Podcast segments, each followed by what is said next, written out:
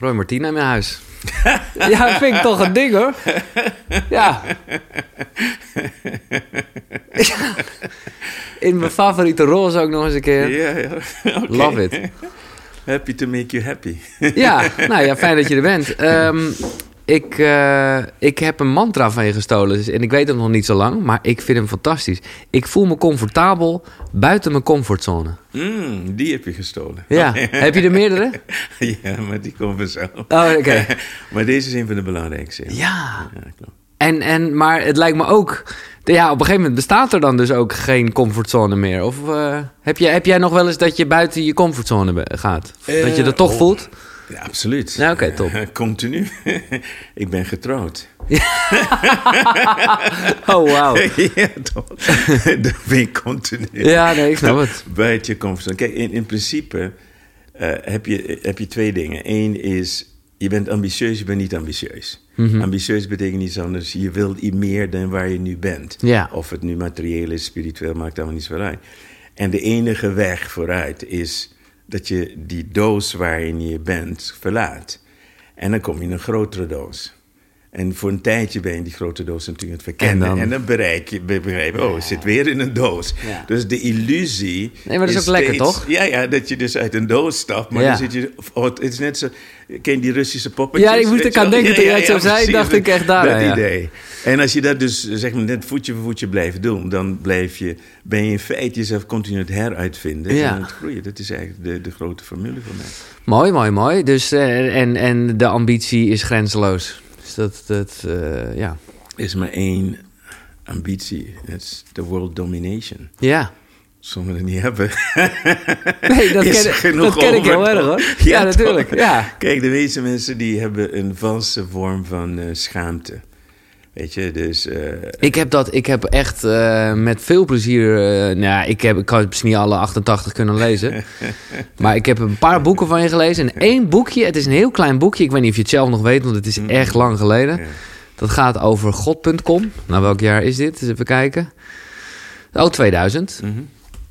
En dat gaat inderdaad over schaamte. Eh, en dat vind ik echt een mooie wijsheid.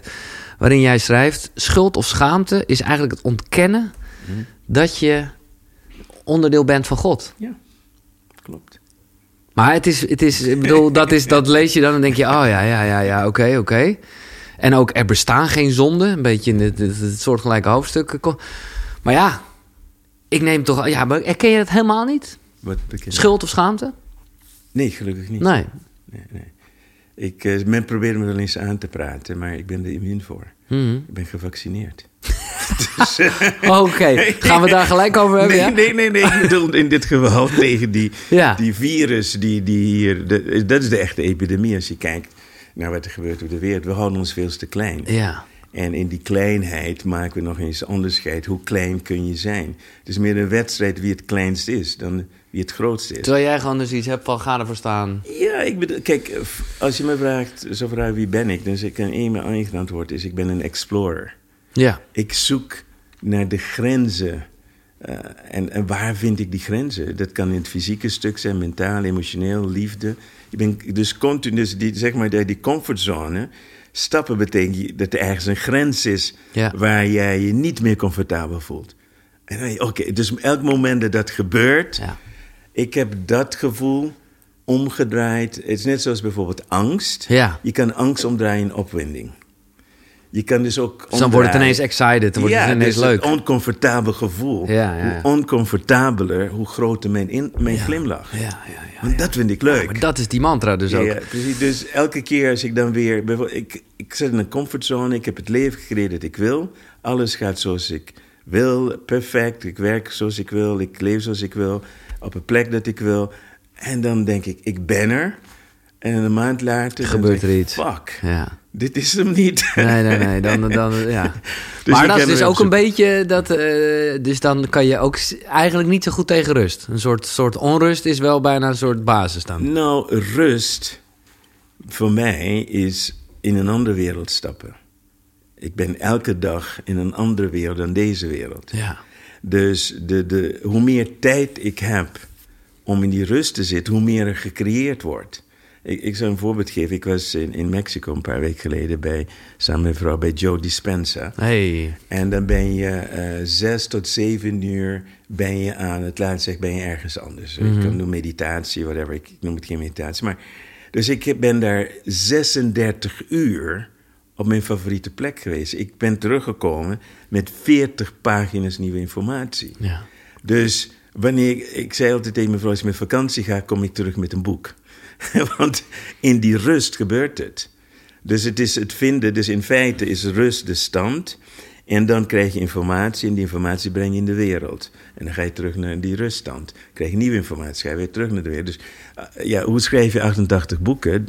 Dat schrijf je niet, niet vanuit doen, maar je schrijft vanuit rust. Ja. Want dan stroomt het. Ja. Dus Een hoe meer die rust, hoe meer er gebeurt. Ja, ja, ja, ja.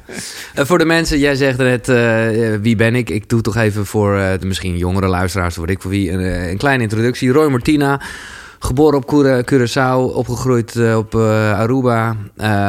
Op je zesde werd een eh, hersenbeschadiging geconstateerd, wat ze tegenwoordig eh, ADHD of iets zouden noemen. Ja, klopt. En nou ja, dat heeft eh, in zoverre een effect op jou gehad dat de dokter zei: Nou, dat wordt hem niet met deze jongen. Misschien moet je hem op judo sturen. En dat, die coach eigenlijk, die heeft jou, nou, misschien wel de basis van het leven gebracht. Absoluut. Het, dit, dit me denken ook het verhaal van Rich Daddy, Poor Daddy. Ja, Ja, ja, weet je, die Ja, van ja, goed boek. Ja. Dus voor mij was hij, zeg maar, Hij was de rich daddy. vader. Ja, en, ja, ja. en mijn vader was, ja... Maar hoe was het, dat weet ik helemaal niet. Hoe, wat, hoor- daar hoor ik je weinig over. Hoe, hoe, hoe is je echte vader? Oh, mijn echtvader is eh, traditioneel een gekomen. Hij was een politieofficier. Een eh, hele wijze man. Maar, eh, Klinkt wel streng gelijk, maar misschien is ja, mijn associatie. heel streng. Ja. En geen emoties. Mijn vader Ja, was eh, een voorbeeld van de, de blinde, eh, weet je wel, de vrouw Justitia met een blinde. ja, precies. Oh. Dus eh, bijvoorbeeld een vraag die hij stelde, als je iets verkeerds had gedaan, dat was gewoon een simpele vraag. En hij vroeg je, je weet dat je verkeerd hebt gehandeld. Het was geen multiple choice. Het Nee. antwoord is ja. Oké. En je zegt, je weet dat je straf hebt verdiend. En dus ook maar een ja. En dan gaf hij dus het oordeel. En dat was altijd met een gummiknuppel. oh my god. Dan- en het mooiste was van die straf, jij moet de gummiknuppel gaan halen. oh ja. Dat is altijd de langste weg geweest Ja. in mijn leven daarnaar. En nog langer terug. Dat was mijn vader. Maar daarna was het ook over. Ja, precies. Het was, was gewoon Straf, klaar. sprak er nooit meer over, klaar. Hmm. En wat mis je dan is de warmte. Ja. Is, is, in feite wat ik wilde horen is Maar liefde. goed, dat, dat krijg je er misschien ook niet, weet ik niet. Maar dat is ook niet echt wat een coach of een trainer eh, je meegeeft, of wel? Want dat is toch ook vooral wel streng, maar alleen ietsjes meer diepgang misschien. Nou, maar. eh, tegenwoordig, eh, als je praat van coach, waar praat je over? Ja, ik bedoel je Nee, judo... ik bedoel, eh, ik bedoel, ja, ja. nee, ik bedoel, oh, je bedoelt die coach? Ja, die bedoel ja, nee, die coach was, nee, de, de kracht van die coach was dat hij dus op het juiste moment tegen me zei, je bent een kampioen. Ja, precies. Meer, meer, meer was het niet nodig. Als ik bij hem kwam voor een wedstrijd, want dan dacht ik, ja, dit kan ik niet, die vent is al jarenlang eh, Antilliaans kampioen. Hij zegt, je hebt één voordeel. Hij weet niet wie jij bent. Jij weet wie hij is. Nou, dat soort uitspraken. Ja, fantastisch. Ja, dus dat, dat, dat heeft mijn leven gevormd. Ja. Dus het, zeg, de Oosterse cultuur en die coach. Dat was voor mij de basis van waar ik nog steeds op sta. En het verschil is, om er gelijk even de diepte in te gaan... daar waar jij vroeger, eh, wat wij allemaal wel kennen... tenminste, ik denk een hoop luisteraars wel... deed aan modeling. Hè? Dus je wilde graag Bruce Lee eh, zijn... en, en bent, eh, nou ja, hebt zelfs records verbroken... die, die hè, Bruce Lee op zijn naam had staan. Jij zegt eigenlijk nu, het is niet meer tijd voor modeling... het is tijd om gewoon te downloaden. Mhm, Klopt. En dit vind ik interessant. Eh, nogmaals, eh, we beginnen gelijk diep, maar ik heb hier zoveel vragen over. Want ik vind het fantastisch. Ik, ik, ja, we gaan het multiversum in. Klopt. Leg uit. Oké, nou, eerste plaats is het zo dat alles wat wij geloven over wat waar is, is niet waar. En wij zitten gevangen in de beperking van onze vijf zintuigen. En dan heb je ook nog de wetenschap, die heeft zich ook zeg onttrokken van het energiegedeelte. Dus wij zitten Want gevangen... dat kunnen ze niet vastleggen en dus... Nee, het eh, was in feite eerst een religieuze beslissing. En dat wat eh, te maken heeft met energie, dat is terrein van de religie. Ja, dus de ja, wetenschap Oh, dat- kreeg alleen te maken met de vijf, de vijf zintuigelijke waarnemingen, de driedimensionele vlak. Dus er was een scheiding ontstaan Ja. tussen het een en ander. En dat creëert dat onze hele samenleving is gebaseerd op die scheiding. En daarom zitten we gevangen in de Newtoniaanse wetten, die dus een gedeelte zijn. Dus de Newtoniaanse wetten gelden alleen wanneer de waveform particle is geworden. Right? Maar in feite is de waveform alleen een het geobserveerd wordt. Maar dan kan je dat nog even... Wat bedoel je met de waveform? Ja, dus in feite energie is dus niet, zijn geen materiële deeltjes. Nee. Dat noemen ze een golf, de waveform. Ja, ja, zo bedoel je. Oh, dat bedoel je. Ja, dus, en wanneer die waveform vertraagt, wordt het zichtbaar en dan wordt het particles. Dus, en wat er, eh, zeg maar, in de quantum is bewezen, dat het pas particles wordt op het moment dat het wordt waargenomen. Nou, wat hebben wij gedaan? We hebben een wereld gecreëerd van particles, dus we, van materie, waarbij we dus afgescheiden zijn van de energie.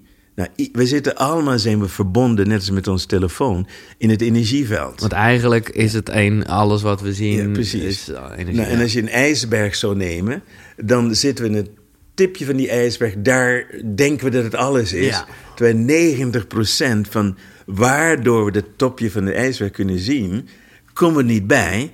En daardoor denken we dat we het niet kunnen beïnvloeden. Dus we hebben niet meer, zeg maar, het geheim om dus in het veld de blauwdruk te veranderen, waardoor het onmiddellijk in het materiële gewoon. En wanneer het gebeurt, dan praat men over een wonder. Ja. Maar jij zegt het is geen wonder. Wij kunnen actief dat kwantumveld ingaan en ja, we kunnen het besturen. Connecten, ja, besturen zelfs. ja. En heb je verschillende keuzes daarin, in, in wat jij wil. That's it. Maar er is geen wet die bepaalt. Bijvoorbeeld één één grote onzinregel is eigenwaarde. Mhm. Bestaat niet. Is, is een illusie, een mentale constructie... waarbij jij gelooft dat er iets of iemand bepaalt... wat jij mag of niet mag hebben. Ja. Dus je hebt je macht weggegeven aan iets dat niet bestaat. Dus je bent in feite gevangen van jezelf. En daardoor blijf je in illusie leven dat ik ben dit niet waard, ik verdien het niet. Zelfs het idee dat je ergens voor moet werken is de grootste onzin die er bestaat. Dat je iets moet verdienen is nog groter onzin. In het kwantumveld geldt alleen, resoneer je met dat wat je wil, ja of nee. Het zijn twee stemvorken. Als de twee stemvorken resoneren, dan heeft het kwantumveld een probleem, omdat jij resoneert als een anomalie binnen je veld. Je klopt niet. als een wat? Anomalie. Dus laten we zeggen, ik resoneer met het feit dat ik, zeg maar, multimiljardair ben. Dat is in mij, maar op mijn bankrekening, Staat het nog niet? nee. Nee. Maar als ik echt daarmee resoneer, dan moet het kwantumveld ervoor zorgen dat het gaat kloppen. Net als met, met, zeg maar, met het weer. Als er ergens hoge druk is, lage druk, kun je voorspellen wat er gaat gebeuren. In kwantumveld precies hetzelfde. Het zijn wetmatigheden en niet, niet van wensen of dromen. Nee. Dus En het heeft niks te maken met wet van aantrekkingskracht. er bestaat geen wet van aantrekkingskracht. Er bestaan, bestaan principes van aantrekkingskracht. En eh, de oversimplificatie is dus een wet van aantrekkingskracht. Dat is helemaal niet. Dus er zijn allemaal principes. En al die principes hebben te maken met frequenties. En, en we zitten allemaal in onze eigen frequentiebanden. Dus laat een voorbeeld nemen. De een zit in een frequentieband van overleven. Nou, zolang je in die frequentie zit, zul je altijd eh, blijven overleven. Ja. Als het zou gebeuren dat je de loterij wint, maar je frequentie is op overleven, ga je alles verliezen wat je hebt gewonnen, want je moet terug naar die frequentie. Het klopt niet. Als je de loterij wint, ben je een anomalie, want je hebt geld dat eigenlijk niet klopt met je frequentie. Dus het, het eh, veld moet zich weer nivelleren, dus je raakt alles kwijt. Maar dat betekent dus dat je echt wel heel goed eigenlijk eh, ja, eh, moet weten wat je wil. Wat wil je echt? Dat helpt. Ja, toch? Dat, dat zou helpen. Want dan, dan Nou, dit is. Het is, je moet iets willen. En Ja. als je niets wil, dan, fr- Nee. dan ben je op de frequentie van niets willen. Wat ik er een beetje lastig aan vind, ik vind het allemaal echt heerlijk om. eh, nou ja, het, het geeft heel veel perspectief. Alleen, kijk, omdat het dan in het, in het eh, ja, multiversum hangt. Ik noem het multiversum, dat is een term die ik jou heb horen gebruiken, omdat er gewoon verschillende. Tijdslijnen, hè? Ja, dus, dat dus dat is maar net. Ga je wel of niet naar die afspraak? En nou ja, zo ontstaan er allemaal lijntjes. Maar dat gaat dus heel erg vanuit eh, nou ja, flow en eigenlijk zonder moeite. Mhm. Terwijl, ja, ja, als ik naar jou kijk, maar vooral ook het is een beetje een spiegel als ik naar mezelf kijk, ja, dan probeer ik wel heel veel discipline erin te gooien en dus ook wilskrachten. En dan denk ik, ja, als ik dat dus doe, dan ben ik eigenlijk tegen het eh, hele multiversum aan het strijden. Of hoe? Alright, Oké, dus je moet het verschil weten. En ik zeg eerst in het Engels power en force. eh, ja, Oké? Force, eh, vertaal Nederland, kun je forceren. Power is dus een aanzuigkracht. Dus wanneer wij op wilskracht het doen, gaat het altijd ten koste van onszelf. Ik heb het gedaan hoor. Ja, ja, ja. Twee burn-outs. ja. Tweeënhalf, maar gelukkig kwam ik mijn vrouw tegen. Die heeft me gered Die van de derde. voor de derde, oké. maar dus in feite forceer je. Het moeilijkste eh, om Oké, aan dus wilskracht is niet goed. Wilskracht is goed voor een tijd. Wilskracht heb je nodig om iets in je hersenen te veranderen. Dus als ik een gewoonte wil veranderen in mezelf, Ja, stel je nu voor dat ik wil niet meer geïrriteerd raken als de mensen te traag zijn. Dat is een autopilootreactie. Dus wat moet ik nu doen? Ik moet mijn hersenen weer gaan omvormen. Dan, eh, in het Engels zeggen ze letterlijk rewire. Ja. En de wiring komt van het, eh, het is gewoon een fysiologisch fe- fenomeen, is dat we een gewoonte, en, en dan ga je op autopiloot, is gebaseerd op de verbindingen tussen de, wat we noemen de eh, hersencellen, de, de neuronen, de synapsen. En als je genoeg synapsen zijn gevormd, dan gaat het op autopiloot. als je We- drie keer 21 eh, dagen, dat is een beetje een soort dus, gemiddelde, dat dan zijn die een- paden zeg wel. Maar, ja, dat is, laat zeggen, gemiddeld is het meer bijna 100 dagen, maar je kan in 63 dagen. Het heeft te maken met de intensiteit en de energie die erin stopt. Dan kun je, je kan bij wijze van spreken, de basis is gevormd in drie weken. Dan heb je zeg maar de basis aan het begin. En daarna moet het Ja. reinforced worden, reinforced, reinforced. En op een gegeven moment hoef je niet meer over na te denken. Nee, dus daar heb je wel wilskracht voor nodig. Ja, dus ik zeg, je moet moeite doen om moeiteloos te worden. Ja, Dat is het geheim. Dit is het, ja. Ja? Dus die moeite is om die vaardigheden aan te leren dat je geen moeite meer doet. Snap je? Ja, ik Dus snap het is het. een soort ik snap het. cirkeltje. Ja, ja, ja, ja. Dus- dus dan zijn het, hè, wat ik ook net discipline noem. Nou ja, dat merk ik nu al bijvoorbeeld met, met iets wat mijn ochtendroutine is. Nou ja, dat is net als met tandenpoetsen inmiddels. Ja. Dat kost me geen moeite meer. Omdat ik het zo... Precies. Ja, ja, ja. En de vraag is, doe je dat effectief genoeg? Want je kan ook iets verkeerds aanleren. Nee, Kijk, de meeste mensen die mediteren. Ja, Ik zeg, mediteren is voor ezels. oké. Absoluut. Want je hebt schapen, nou, Mhm. die, die, dat zijn schapen. Dit is, dat is de massa. En die, die is beïnvloed door de illusie. Dus die geloven dat alles wat ze waarnemen waar is. Dan heb je de ambitieuze schapen, die noemen we ezels. Die, die gaan gewoon rennen en forceren. En die hopen dat ze er gaan komen. Tot ze in de gaten hebben dat het niet werkt. En dan word je een jaguar. En de jaguar die wacht op zijn kans. Dus de jaguar is veel meer, die, die heeft geen geduld. Die is gewoon een opportunist. Als je begrijpt wat ik Ja, ik begrijp het heel goed. Hij zal niet bewegen als het Nee. niet nodig is. Nee, precies. Right? Een Lui, ezel- maar fucking sharp. ja, ja, een ezel rent door. Ja, ja, ja. En, en een jaguar, ja, dus niks. Ik ga lekker rusten. Ja. Ik kijk wel wat, wat is. Dus dat, en uiteindelijk word je de adelaar. En de adelaar is dat waarbij de wind neemt je mee. En je, jij kiest niet meer. Kijk, een jaguar is nog op jacht. Ja. Een adelaar overziet Totale- en ziet de kans en grijpt die kans. Is dit, is dit weer een soort nieuwe vertaling van eh, jouw bestseller Je bent alles? Waarbij je gaat van de krijger naar de heler, naar de visionair, naar de leraar? Nou, in, in principe is dit een simplificatie. Dit is voor, zeg maar, Jip en Janneke. Voor de schapen. ja. Of nee, ik, heb, ben, ik ben zojuist uitgemaakt voor een ezel eigenlijk. Omdat ik met liefde mediteer. Ja, het geeft mij veel rust, Roy. Ja, Nee, precies. Dat, dat is wat ezels geloven. ja nee, ja, er precies. is niks mis mee. Nee. Je moet het zo zien, het zijn metaforen, het is geen waardeoordeel. Nou, Het, is, het is geen waar. Het, het is, het- ik, ik, mijn leven bestaat gewoon om de dingen zo grappig mogelijk te maken. ik eh, hou ervan hoor. Snap je? Dus het is meer hoe vind je, je kan ook de mier noemen. Ja. als je dat le- Nee, vindt, nee, dan noem je nee, een mier of een bij. ezel is top. Maakt even niet. Maar het betekent namelijk dat je heel veel energie geeft aan het verkeerde. Ja.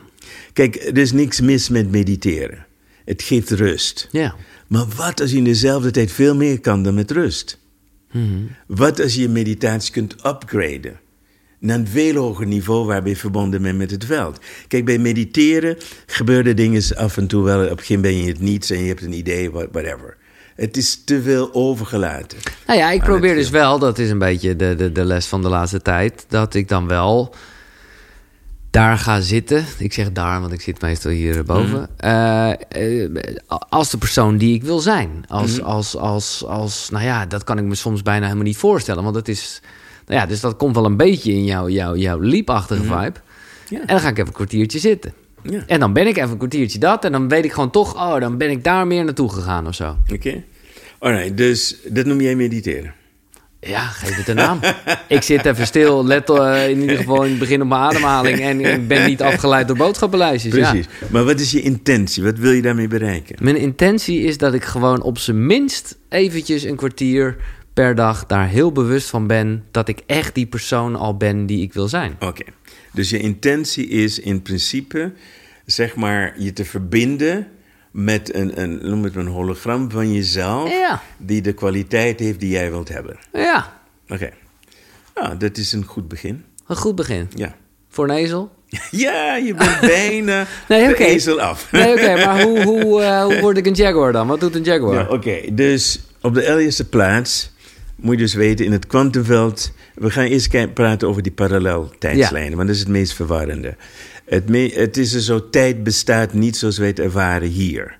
Dit is een illusie van de tijd. Hè? Dus dan denken we dus een begin is een eind. Je moet in feite zien het als een virtueel spel. Hè? Als je een virtueel spel gaat doen, dan ga je op computer dan ga je eerst kiezen het lichaam dat je wil hebben. Man, vrouw, noem maar op. Welke superpowers wil je hebben, noem maar op. En je kan ook kiezen welke tijdsperiode je kunt gaan spelen. Ah, je zegt, ik wil de middeleeuwen, wil ridder spelen. Dus op deze tijdlijn lijkt het daar, achter ja, ons. ja, ja. Right? Maar in werkelijkheid is parallel van ons. Want ik kan elke keer, kan in het vorige leven gaan het veranderen. Ik kan Even een een ander spel, leveltje, Ik kan een ander spel gaan spelen. Ik ben daar traumatisch overleden en met een shock. Nu ga ik terug. Ik zeg, dat wil ik niet meer. Ik wil iets anders ervaren. Ik wil nu bijvoorbeeld bewust naar de overkant gaan. We hebben oneindige levens in deze game? We hebben oneindige levens. Lekker. Right? Dus, je, eh, dus, dat, dus die vorige levens zijn geen vorige levens. Nee. Het zijn parallellevens, nummer één. De speler, ja. Elk leven, elke tijdslijn heeft weer andere paralleltijdslijnen in dezelfde lineaire tijd. Dus in deze tijd waar we nu zijn, zijn er weer oneindige variaties van jou, die allerlei variaties uitspelen van, van hetzelfde thema. De ene keer, bijvoorbeeld, laat mij even als voorbeeld nemen. Ik ben gescheiden van mijn eerste vrouw. In één tijdslijn ben ik niet gescheiden. En in één tijd zijn heb ik twee zoons, ander tijd heb ik drie dochters. Alle variaties van mijn mens zijn en mijn potentieel moeten worden uitgespeeld. Dat is de wet. Alles wat mogelijk is binnen mij moet worden uitgespeeld. Dat is één. Nu is de vraag, op het moment dat ik daar weet, wat is het spel dat ik nu wil spelen? Dus ik kan, ik kan nu kiezen naar een andere tijdslijn te gaan. Nou, en daarvoor is het dus dat je je coördinaten instelt, gebaseerd op wat jouw hartverlangens zijn. Alles wat jouw hart kan verlangen, bestaat al. Je hoofd is anders. Je hoofd kan dingen verzinnen die onmogelijk zijn. Dus jij kan zeggen, ik wil twee meter zijn en de wereldkampioen basketballer. Nou, dat is je hoofd. Ja. Dat is geen verlangen. Dus je hart heeft een ander verlangen. Ja. Alles wat je hart verlangt, bestaat al in de tijd en wordt al uitgespeeld. Nou, het enige wat je hoeft te doen, is dus die resonantie te worden van die andere, ik noem het de dubbelganger van jou, die het leven leeft dat jij zou willen ervaren. That's it. En meer hoef je niet te doen. En dan ga, leef je niet meer in lineaire tijd, dan spring je naar synchroniciteit. Nu gaan er dingen gebeuren die jij niet kan verbeelden of niet eens kan voorstellen. Het komt naar je toe. Dus dat is power. Ja. En wilskracht, dat is de force. Ja. Dan heb jij een doel en je rent achter het doel aan. Wat creëert frustratie, ongeduld, vallen en opstaan, niet begrijpen, nog meer forceren, ja. nog meer tegen muren oplopen. En het enige wat je had hoeft te doen, is je te verbinden met dat wat je wil en te worden met wie je wilt worden. Tuurlijk, maar eerst moet je wel een beetje moeite gedaan hebben om die moeiteloosheid te- bereiken. Dat is het spel dat je leert. Ja. Dat is alleen. Want het moeilijkste om af te leren. In, in feite zijn we alleen aan het afleren. Als we het hebben geleerd wat we denken dat goed is, moeten we afleren. Hè, En al die, die domme uitspraken van de schapen. Hè, want we, zijn, we worden opgegroeid in een schapenkolonie. Al die uitspraken ga je nu sceptisch gaan bekijken. Klopt dat wel voor mij? Want al die schapen herhalen dat. En die beginnen te blaten als je anders gaat gedragen. Hè, dus die schapen gunnen het niet dat een schaap ontsnapt. Want dan wordt de zwarte schaap. Ja, ja, ja. Dus het, het hele idee is in feite dat creatie niet vindt, plaatsvindt door het af te dwingen. Nee, Creatie gebeurt instinct, het is er al. Dus ik hoef niets te creëren. het is er al. Het is er al. Ja. Op dat moment het. Dat ik weet dat het er al is, is mijn enige vraag. Wie ben ik dan in die wereld die, die ik ben? Dus eh, als ik een voorbeeld neem. Want op een gegeven moment kom ik iemand tegen die, die vertelde mij van... ja, ik, ik ben miljardair geworden puur door kwantumfysica. Nou, dan heb je mijn volle aandacht. Want het was, voor mij was miljardair zijn en gekoppeld aan hard werken. En deze vent vertelde, nee, ik ben lui. Nou, die vent is, die is natuurlijk, ben ik verliefd op geworden. Ik ben Antilliaan. Een luie miljardair. dat kan niet. Dus, en enige wat hij deed, was één uur per dag in het kwantumveld zijn, daar waar hij miljardair is. En dan kijken, hoe, wat doe ik dan anders? Hoe denk ik anders? Hoe voel ik anders? En dat is het enige wat hij verder heeft gedaan. En zodoende is hij dat geworden wat hij zei hij wilde worden. Maar denk jij nog dat het ermee te maken heeft dat hij in dit geval dat geld ook goed voor de wereld wilde spenderen? Dat is totaal irrelevant. Dat is totaal irrelevant, ja? Nee, eh, kijk, de, de krachten van het universum. eh, Je moet zo zien, de polariteit. Maar ik bestaat. denk dan meer van als het gewoon ergens goed voor... Kijk, als het goed is voor, voor de planeet... ja, dan kan ik me voorstellen dat... Het geeft meer voldoening, maar het is Nee, ja. Het ge- geeft meer voldoening. Kijk, het geld alleen... Kijk, wat we nu hebben, is wat de meeste mensen niet begrijpen... is dat de meeste mensen die superrijk zijn... die leven in een luxe niveau van schaarste. Je kan een rijke persoon zo triggeren op het moment dat hij verliest, hè? Ik kan 10 miljard hebben en dan zakt het naar 8. Ja, en dan ineens... En ik heb Ja, stress. ja. Dat is de maximale schaarste van rijke mensen. Ja, Dus die leven in schaarste. Dat is een, een nadeel wanneer je erin zit ja. voor het ego. Niks mis met het ego. Maar dan blijf je lijden aan schaarste. Ja. En je blijft lijden en het moet meer zijn. Al die gekke miljardairs zijn aan het investeren om meer geld te hebben. Ze hebben al meer geld dus kunnen uitgeven. Maar zijn continu aan meer, meer, meer. Ten koste van alles. Dat is de hebzucht van de wereld. Dus dat is de andere kant. En dan zijn er wetten die dan, de, de wet van karma betekent dat je les niet hebt geleerd. En je zult het allemaal over moeten doen. Ja. In, in, op een andere tijdslijn. Nou, waarom zou je die moeite doen als het anders kan? ja, maar wat jij ook eigenlijk zegt is... eh, je hebt ook rijkdom op een andere manier. Dit is een veel makkelijke manier. Ja. Kijk, de rijkdom begint door het los te koppelen van je bank, bankrekening. Zolang je rij- rijkdom koppelt aan je bankrekening, dan besnap je rijkdom Nee, niet. Precies, precies. Rijkdom is een gevoel. Ja. Als je het gevoel beheerst, en een van de basisdingen die men probeert mensen te leren, de schapen, is van dankbaarheid. Wees dankbaar voor wat het is. Oké, prima, dan zijn die schapen dankbaarheidsjournaals, bla bla bla. Een hele kudde die allemaal dat doen in de hoop. Kijk, de instelling is al verkeerd. Snap je? Ja, maar Ik begin dan van, oké, als ik dat doe, dan. Verkeerd. Het werkt niet zo.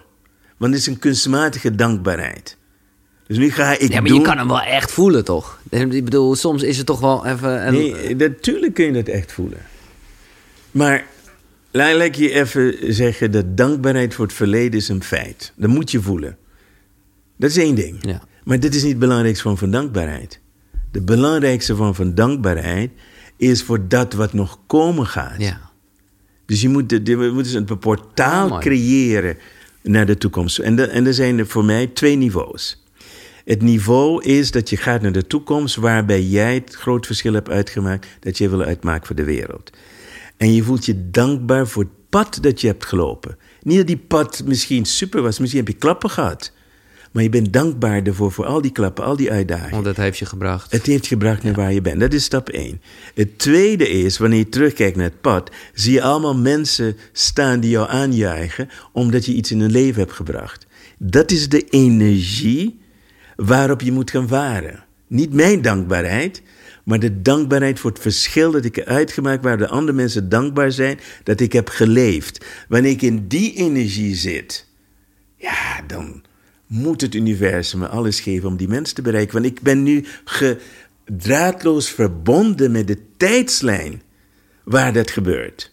Dus elke keer als ik in de toekomst ga, dan voel ik de dankbaarheid van de mensen die dankbaar zijn voor wat ik heb gedaan. Wat je nog moet gaan doen. Ja, nee, daar is het echt. Oh, daar, daar- bestaat het al. ja, ja, zo, ja. Dus het gaat niet dat ik dankbaar ben dat ik nu dit heb. Dat is de ego. En de ego mag er zijn. Mm-hmm. Maar het verschil maken is de dankbaarheid voor de mensen die je nog niet bereikt hebt, Ja. Waar je het verschil voor gaat uitmaken. Als je dat hebt gevonden, dan maakt het niet uit wat je hebt gedaan. De meeste mensen zitten nog in wat moet ik doen? Ja. Niet interessant. Nee. Je moet de energie, ik, ik noem het quantum surfen, je vaart op die energie mee van waar je naartoe gaat. En dan is je weg gezegend. En dan kom je terug bij het stuk dat je zegt van ja, het moet groter zijn dan jezelf. Dat is de makkelijkste weg. Maar een miljard, wat heb ik eraan? Ja. Als ik er niet iets mee ga doen. In feite zijn de meeste miljardairs het probleem van de wereld. Zij vertegenwoordigen de hebzucht van de mens. Het is niet de taak om de mens te gebruiken, het is de taak om de mens een hebzucht te gebruiken om ze uit een schapenkooi te halen. Je moet ze de wortel voorhouden. Ja, ja, ja. Zij denken dat ze achter wortel gaan rennen, maar je gebruikt dat om hen te brengen waar ze moeten zijn.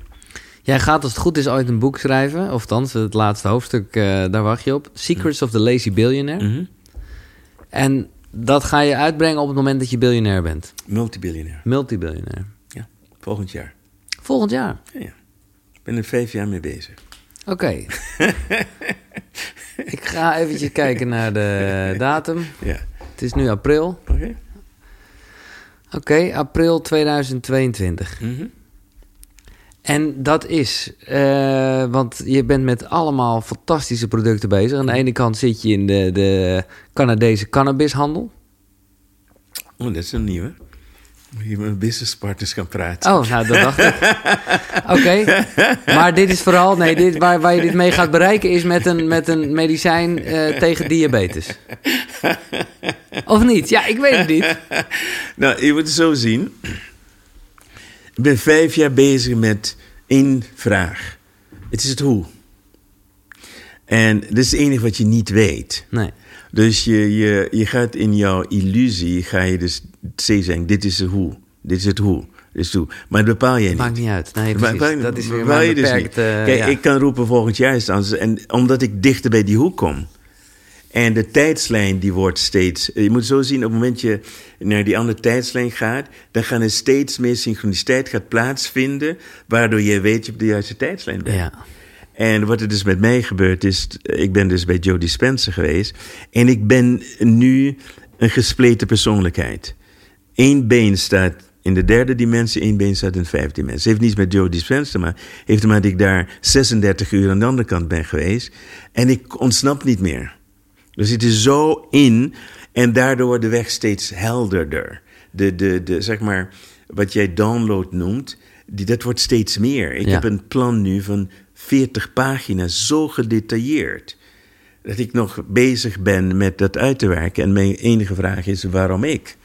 Ik zeg, ja, er was geen andere vrijwilliger die zo gek is als jij. Maar kan je ons een beetje meenemen waar dat mee te maken heeft, Nou, die 40 kijk, waar, waar het mee te maken heeft eh, met iets heel simpels. Je moet je voorstellen eh, dat eh, we, we leven nu in de tijd van de Waterman-tijdperk, right? Ja.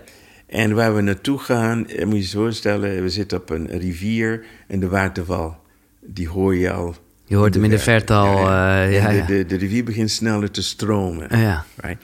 Dus dat is waar wij zijn. En dus, als je kijkt kijk even naar de aarde, dan moet jij aan mij vertellen wie zie jij de mensheid weghalen van de rivier? Wie denk je? Nou ja, de aarde zelf. De aarde niet. Integendeel, de aarde wil van de kankers wel af. Ja, dat bedoel ik. Ja, ja dat is toch jouw vraag? Wie haalt, wie haalt de mensen? Nee, maar dus naar de mensheid kijkende. Ja. Wie denk jij dat de oh, ja, van, de, van de mensen geen idee. Ja, precies. Die zit nu naar voor je. Nee, grapje. Nee. Maar dus, nee, Ja, nou ja. nee, waar het om gaat is... al die spirituele gasten, al Ja. die goeroes... Ja, daar gaan we het niet mee redden. nee. 0,0. Noem ze maar op. Tony Robbins, forget it. Deepak Chopra, forget it. Joe Dispenza, forget it. Het gaat niet gebeuren. Dus we hebben maar twee keuzes.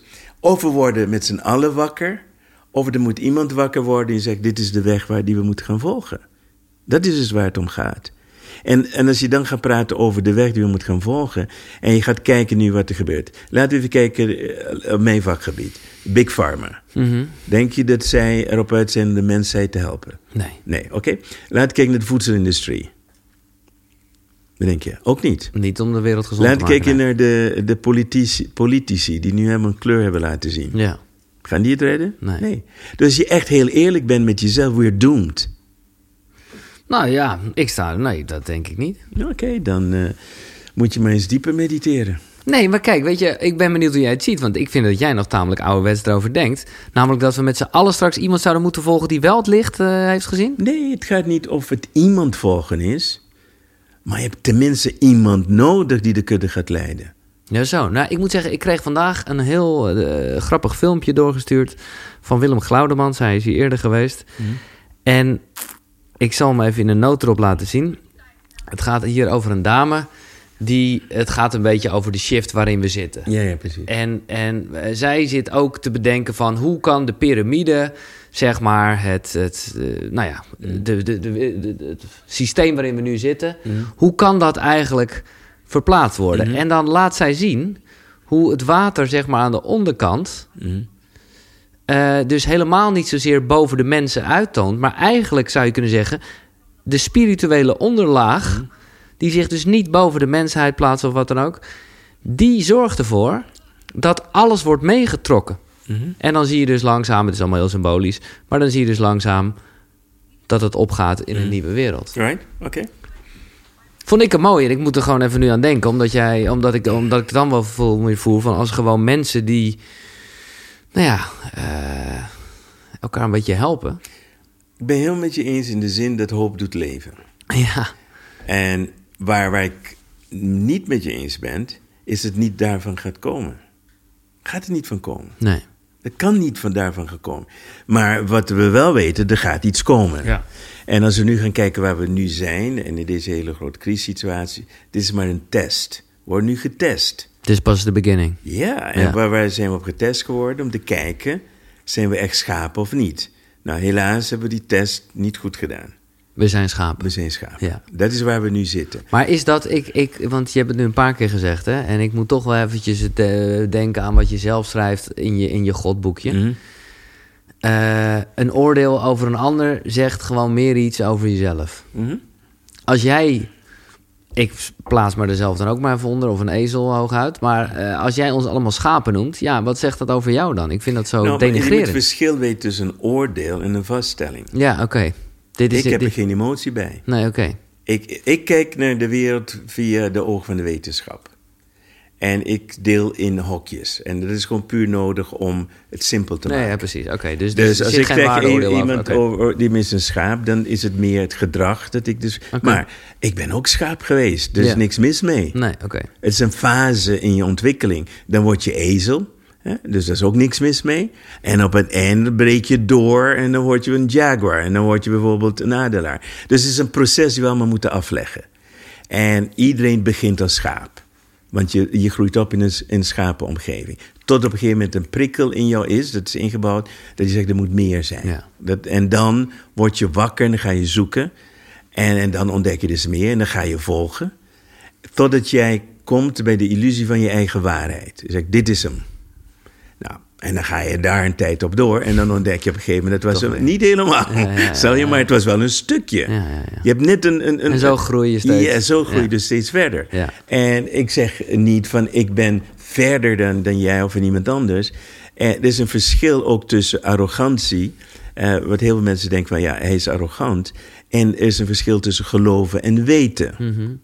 Voor mij is het een wetenschap. Het is geen geloof. Ik geloof niks. Mij kan je alles vertellen. Ik ga het onderzoeken. Ik ga het zelf onderzoeken. Als iemand zegt leven van het licht, kan dat? Oké, ik geloof er niet dat het kan. Ik ga het onderzoeken, dan blijkt het kan wel. Ja, even voor de Dan heb duidelijkheid. ik een paradigma dus overwonnen in mezelf. Ja, dit is wat jij letterlijk gedaan hebt. Mm. Waarbij je gewoon even geen eh, voedsel en, en eh, vloeistof meer tot je nam. Hm? Daar, dat heb, hoe lang heb je dat gedaan? Ik heb twee keer gedaan. De eerste keer was zes maanden. Maar dat, was, eh, dat kwam doordat ik een, een vrouw ontmoette, Jasmine. En ik moest eh, voor haar vertalen. En eh, ik geloofde er in eerste instantie niks van. Allemaal onzin. Maar nadat ik op haar, samen met haar podium heb gestaan... heb ik twee weken niet kunnen eten, nog drinken. En toen dacht ik, alleen dus door in haar energieveld te zijn. En toen dacht ik, ja, oh wacht, als het zo simpel is... dan wil ik het Maar uitproberen. je had nergens last van. Het was niet dat je Nee, met ik- een ik droge me- bek... Ik was eh, mezelf aan het forceren om te eten. Omdat Ja, ik dacht, je dacht, dat heb ik het nodig. moet, ja, ja. Toen ik het uitproberen heb ik zes maanden... En de reden toen ben gestopt... was dat ik het niet goed kon beheersen. Ik heb ervaren wat het is om... eh, Althans, wat ik geloof, om verlicht te zijn. Maar het was niet prettig. En nummer één is dat er was geen onderscheid meer tussen ik en jij. Dat is alleen, Gewoon ik had alleen het. Ja, ja, ja. Maar ook, ik kan je gedachten voelen. Ik kan Te veel je, prikkels. Ik kan je vorige leven zo doen. Ik kon alles, als ik met je praat, ben jij eigenlijk ben je ik en ik ben je jouw ervaring. En, het is een, en Ah. wanneer je dan in een zaal bent met zeg maar 80 mensen of 100, dus er staan er 100 radio's aan. En ik wist niet hoe dat te beheersen de eerste keer. Dus daar ben ik eh, op een gegeven moment mee, mee gestopt. En ik ben in, even kijken, 2019 heb ik het voor de tweede keer gedaan, maar toen was het meer een, een, een opdracht. Omdat ik me meer wilde verbinden met het kwantumveld. Dus op het moment dat ik niet eet of niet drink, toen stapte ik uit mijn comfortzone en ik was vier weken lang, heb ik alleen maar, zeg maar, gemediteerd. En daarna, nu de portaal open staat 100%, heb ik een knop die ik aan en uit kan zetten. Dus als ik bijvoorbeeld de Amazone inga, Ja. dan zet ik hem aan, dan eet ik niet, drink ik niet. En dan ben ik helemaal verbonden met de Amazone en dan kan de Amazone me leiden. Ik kan me elke plek neerzetten in de Amazone. Ik kan gewoon de weg vinden zonder dat ik weet wat de weg is. Omdat je verbonden bent met het veld. Dus ik heb dat. Maar nu doordat ik... eh, de reden dat ik het nu niet fulltime doe... Is, heeft te maken met mijn dochter, die is elf. En mijn vrouw die, die wil niet dat ze haar papa niet eet. Want mijn, vrouw heeft eh, Ja. zelf anorexia gehad. Dus zij, dat is haar angst. Ja. En dus uit respect voor mijn gezin eet ik dan een hapje mee en, en dat soort dingen. Maar als ik alleen ben, heb ik allerlei keuzes die ik kan maken. Dus afhankelijk van wat ik, waarmee ik bezig ben, dan kan ik eh, zeg maar de knop omdraaien of niet omdraaien.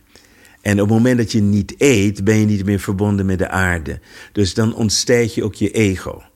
Je ontstijgt het overlevensmechanisme. Je ontstijgt het emotionele. Je ontstijgt eh, heel veel van de fysieke dingen. En je bent verbonden. Het is net als een soort. Denk het maar dat je draadloos eh, verbonden bent met het internet. Welke informatie wil je hebben? Bam. Boom. Alles. Je hebt geen Google Maar kan ik dit gewoon mor- morgen gaan doen? Eh, technisch gezien kan je doen. Het, waar, waar het uiteindelijk om gaat om het te kunnen, is dat het niet op wilskracht kan. Nee, precies. Snap je? Wilskracht is hier, en je ziet Ja. weer het verschil Ja, power en ja, force. Als je wilskracht doet, ga je dood. Ja. Simpel. Maar dan forceer je je weg naartoe. Het is meer de weg van overgave en de dood aankijken en zeggen of ik dood ga of niet. I don't care. Dus op het moment dat je die doodsangst overwint, ben je over de brug. En dan is het een kwestie van je verbinden en daar zijn allerlei technieken Ja, want jij noemde het net even voor de duidelijkheid. Jij hebt het dan wel over dat je. eh, toen noemde je even het woord mediteren, maar dan bedoel je eigenlijk dat quantum surfen. Ja, ja, dus, dus in feite... Kijk, wanneer je gaat leven aan het licht zijn heel veel eh, manieren. Ik heb eh, mensen gehad, ik vroeg af ook Qigong-les. En je kan het ook met Qigong doen, want dan leer je al energie te observeren. Ja, ja, ja. Wat ik in mijn laatste keer heb Dat zijn toch die bewegingen? Ja, nee, dat weet ik. Ja, heb wel- ja, fantastisch. Ja, en wat ik het laatst heb gedaan was dus... Ik las over de rainbow, eh, wat waren monks. Dat zijn, de, de, dat zijn dus monniken die pra- weet, 10, 20 jaar mediteren. En dat ze sterven, dat een lichaam dus mummificeert... Binnen een paar weken, het schrompelt helemaal in elkaar. En dan zien de mensen kleuren van regenbogen uit het lichaam treden. Het ruikt naar wierook, noem maar op. Nou, dat kun je zo googlen. Toen dacht ik, ga met regenbogen werken. Dus ik heb alleen maar gevisualiseerd dat ik in het kwantumveld ben en dat mijn energie zich pulseert in de kleur van de regenboog. Dat was alles wat nodig was om mijn lichaam te voeden met alle energie dat nodig is. Nu moet je dus weten, in de derde dimensie, wetenschappelijk kan dit dus niet. Want we kunnen bepaalde vitamines en aminozuren en vetzuren niet aanmaken. Maar schijnbaar kan het wel. Maar heb je niet even de neiging... Ja, ik snap dat je niks hoeft te bewijzen... maar ik zou zeggen, zet er even een cameraatje op... dan kunnen we het even zien. Nou, ik heb een eh, tv-format bedacht. Die heb ik ook eh, vastgelegd. En eh, daarmee wil ik in feite zo'n Big Brother House eh, idee creëren. Maar dan zonder eten en drinken. Ja, dus er zitten drie groepen in. Ja. Dus de één zijn allemaal mensen die dit al, al kunnen. Ja. Dus een groep die wij gaan trainen. En een derde groep zijn vrijwilligers. En die worden elke dag getest, bloed, noem maar op. Nou, ik heb plan onder andere bij eh, John de Mol de Talpa binnengebracht. Maar ze hadden me gegoogeld en ze vonden dat ik niet betrouwbaar ben. Dus toen hebben ze het niet gedaan. Nou, jammer voor hen. Maar in ieder geval, eh, het is er wel. Het bewijzen daarvan. Nu is er iemand anders in Nederland... eh, hoe heet die, eh Bremor, eh, Maan, weet ik veel, die, die het gaat doen nu met de tv. Oké. Ja, die, die Brahman Menor, geloof ik, heet hij. Oké. En hij gaat het in ieder geval doen. Want het is makkelijk te bewijzen, het is niet zo moeilijk. Het is dus wetenschappelijk aan te tonen dat het kan. Alleen, de wereld gelooft het niet, dus je moet het doen onder controleerbare omstandigheden. Dus het moment dat iemand zegt ja, oké, ik moet wel een maandje zien te vinden, maar oké, dan kunnen we een maand gaan zien. Want je kan niet langer dan een week zonder, zonder vloeistof. Nee. Dus op het moment dat je de tien dagen voorbij bent, zeg twee weken, heb je in ieder geval bewezen het kan. En, en, en het mooie is dat je, als je dus van het leven van het licht, heb je drie keuzes. Keuze nummer één is noemen puur. Geen water, geen, licht, geen, geen voedsel, helemaal puur. Dan heb je een tweede, die, dat noem ik de, de mensen die drinken wat water of thee. Niet, niet omdat ze het nodig hebben, maar het is gewoon prettig. Ja. En dan heb je de derde groep, zijn de snackers. Uh, ik, ik ben nu in de derde groep. Ik Ah, snack. Ik eet niet om te eten, ik eet gewoon om Ja, te snacken. ja, ik hoef ook niet gezond te eten in die zin, omdat mijn lichaam voorzien wordt met alle, eh, zeg maar, dingen die het nodig heeft. Maar even terug naar jouw rol, of in ieder geval, of misschien is het niet jouw rol, maar wat, wat, er gaat, wat gaat er wat jou betreft gebeuren? Eh, ik noem het maar even naar die vijfde dimensie toe, want daar waren we net een beetje Nou, gebleven. Oké, laten we de... eh, Ik heb overigens wel gedronken, dus ik ga even, sorry, ik ga even plassen.